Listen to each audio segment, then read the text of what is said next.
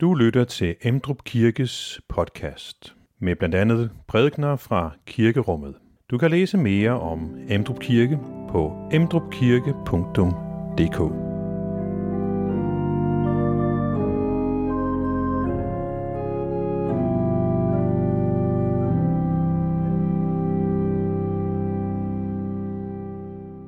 I dag har vi første søndag efter Helle Tre Konger. Og øh, den tekst, vi skal høre i dag, er en af de to tekster, som altid læses ved dåb. Og derfor er det også naturligt, at det i dag kommer til at handle om dåben. Hvordan dåben perspektiverer og sætter en dagsorden for vores liv.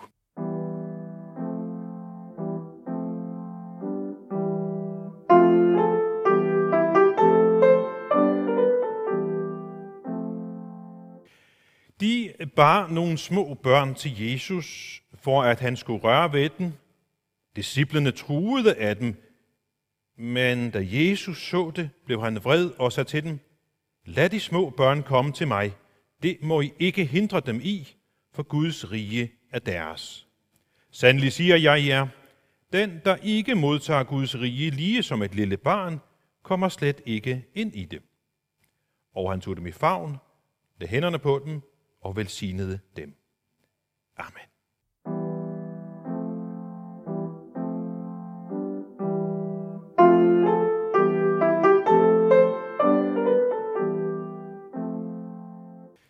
...2022 er lige begyndt.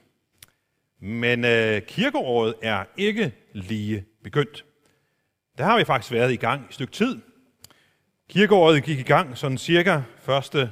december hvor det startede her, så har vi været gennem adventstiden, gennem juletiden, anden juledag og nytårstiden, og nu er vi så her, i denne her periode, som vi kalder for Hellig Tre Konger-tiden.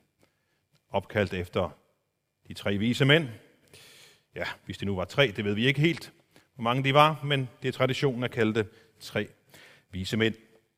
En anden, et andet navn, vi har for den her tid, Hellig Tre Kongers tiden, det er epifani-tiden.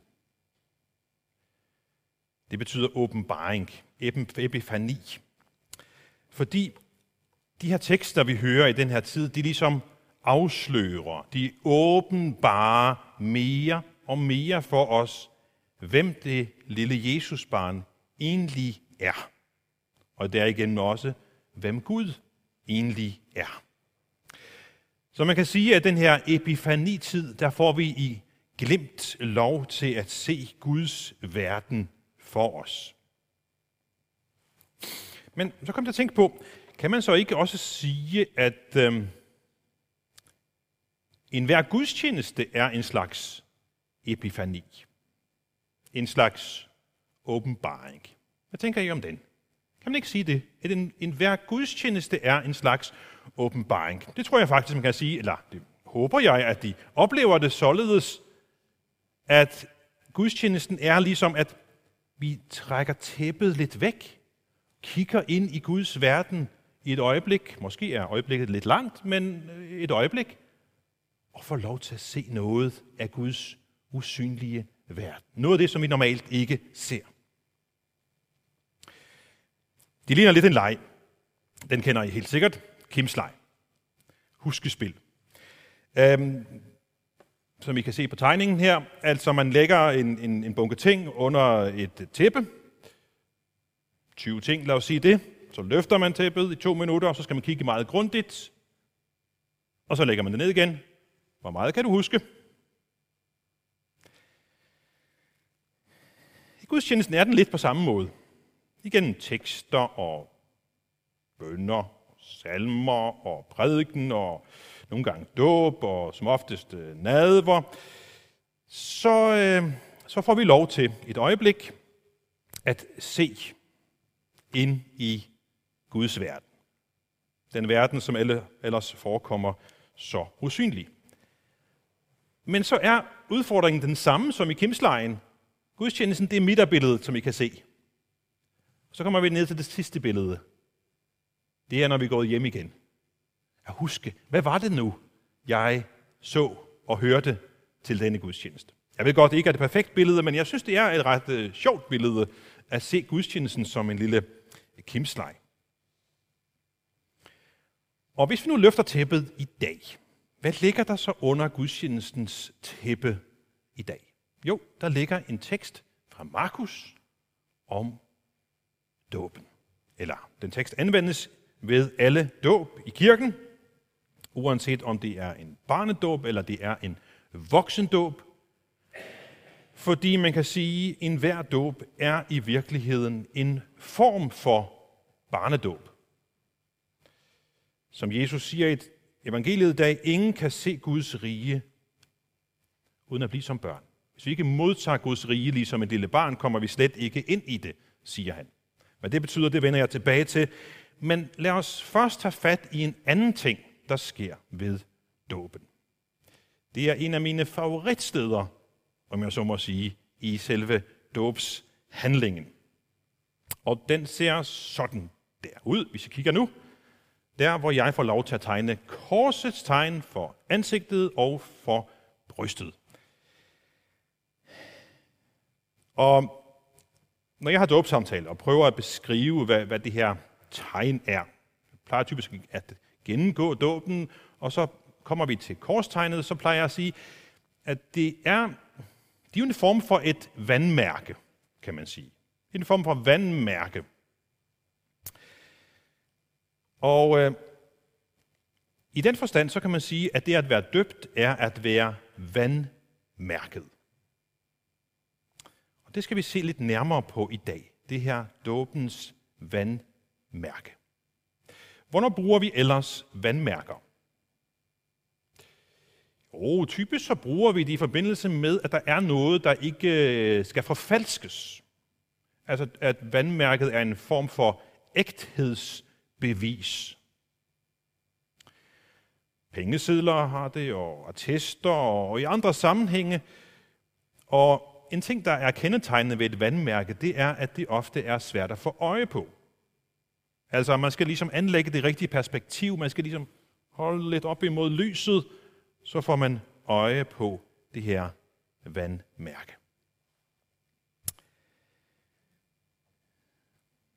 At være døbt er at være vandmærket. Skønt billede, synes jeg.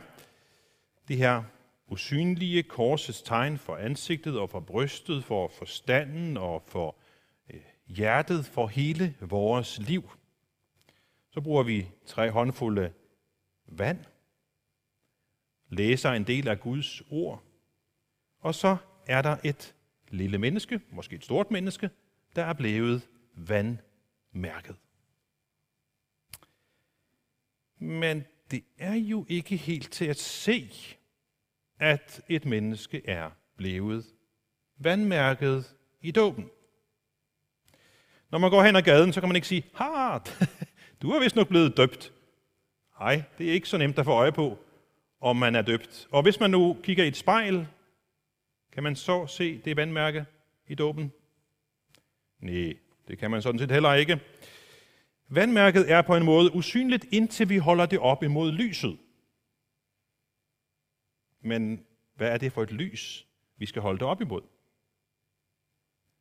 Det er Guds ords lys.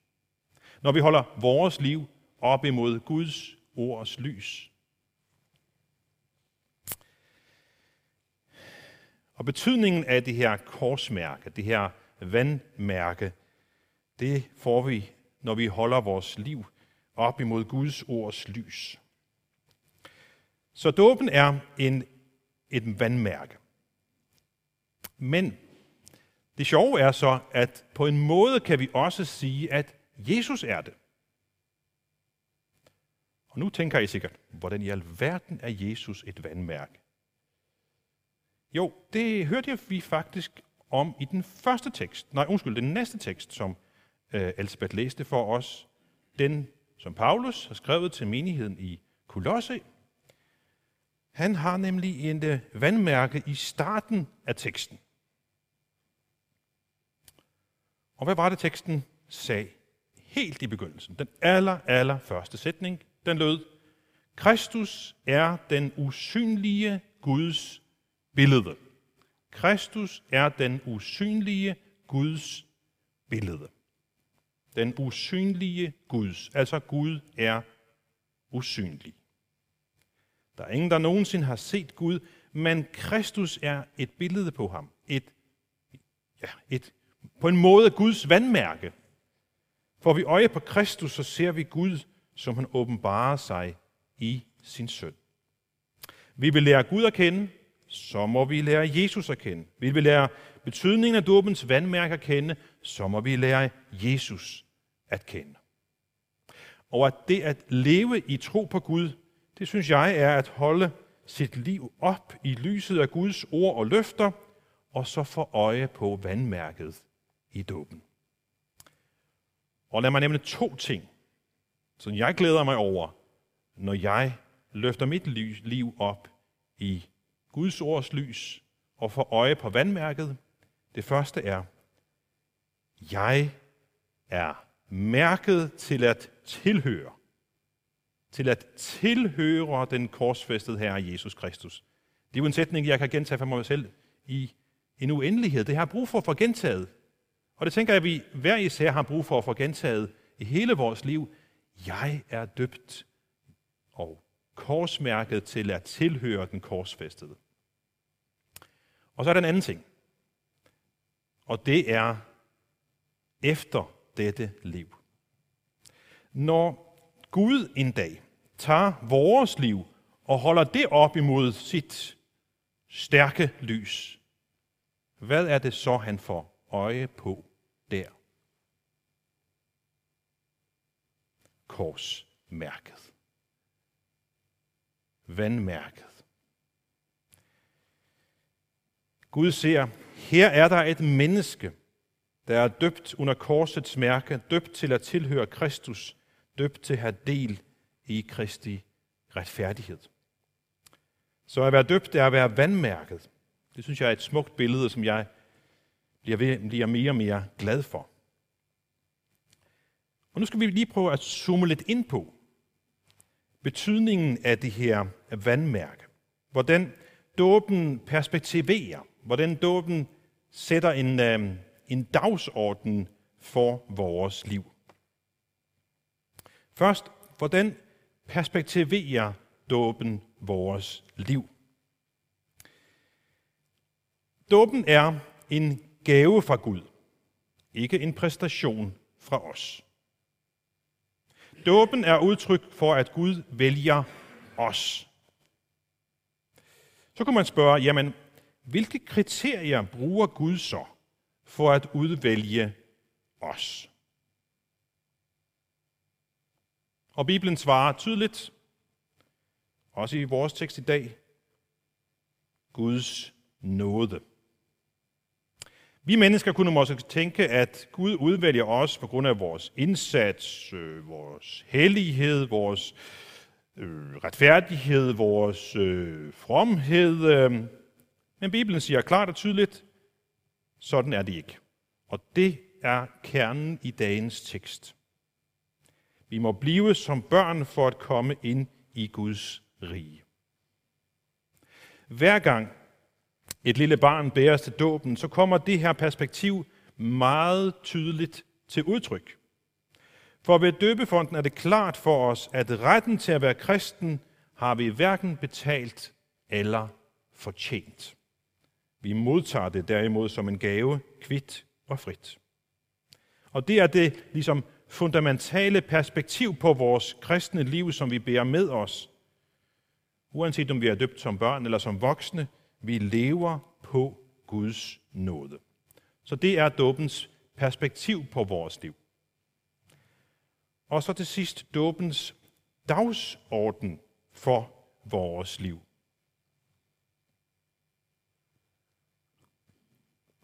Og nu skal vi prøve at sammenligne dåben øh, med en almindelig fødsel. På dåben kalder vi for en genfødsel. Der er nogle kendetegn ved en fødsel, som ligner dåben. Lad os tage det første. For det første så fødes et barn til et liv i en anden verden. Barnet ligger i ni måneder i morens mave, i tryghed. Det er beskyttet, men det er også begrænset. Det får sin næring igennem en lille streng, en navlestreng. Barnet kan ikke se noget, men det kan høre nogle stemmer igennem et maveskin. Men i det øjeblik, barnet så fødes, så forandres barnets verden fuldstændig. Nu skal barnet selv trække vejret gennem næsen. Det kan spise med sin egen mund. Det skal øve sig i at skrige. Og øve sig i at holde munden også. Øhm, lære at øhm, stole på, at mor og far er der. Det er en helt anden og det er en større verden. Og lad os prøve at sammenligne det med dåben. For dåben er jo også et, en fødsel til et liv i Guds verden. Et liv med et nyt åndedrag, nemlig Guds ånds åndedrag. Et liv, hvor vi skal spise og drikke den mad, som styrker os til det evige liv, for eksempel i nadvåren. Et liv, hvor vi skal høre Guds stemme på en ny måde, nemlig, Gud, nemlig gennem Guds ord. Et liv, hvor vi også skal lære at skrige til Gud i, i bøn, og hvor vi skal lære at holde mund og stole på, at Gud er der for os. Det var det ene aspekt. Det næste aspekt er jo, at et barn fødes til vækst og udvikling. Nyfødte de begynder deres liv med at vokse meget, meget hurtigt. Og det er kendetegnende for mennesker, at de vokser på forskellige måder, stort set gennem hele livet. Selvom min kone siger, at jeg bliver lavere og lavere med alderen, og hun næsten er højere end mig efterhånden, så trøster jeg mig med, at øh, selv i den sidste del af livet, så kan menneskets sociale og intellektuelle og følelsesmæssige kvaliteter udvikles og vokse. Så der er håb. På samme måde, så er dåben også en, en fødsel til vækst og udvikling. Kristenlivets vækst er en vækst med et bestemt mål, nemlig at kunne ligne Kristus mere og mere. Så dåbens genfødsel skal følges op med en sund og nærende åndelig kost og masser af åndelig motion. Som Jesus siger i dåbsbefalingen, så skal dåb og oplæring følges ad. Og hvis så den åndelige vækst stanser, så er der god grund til at se de åndelige kost- og missionsvaner efter i sømne. Og det tredje og sidste, som dåben bringer af dagsordenen, er, at vi fødes ind i en familie.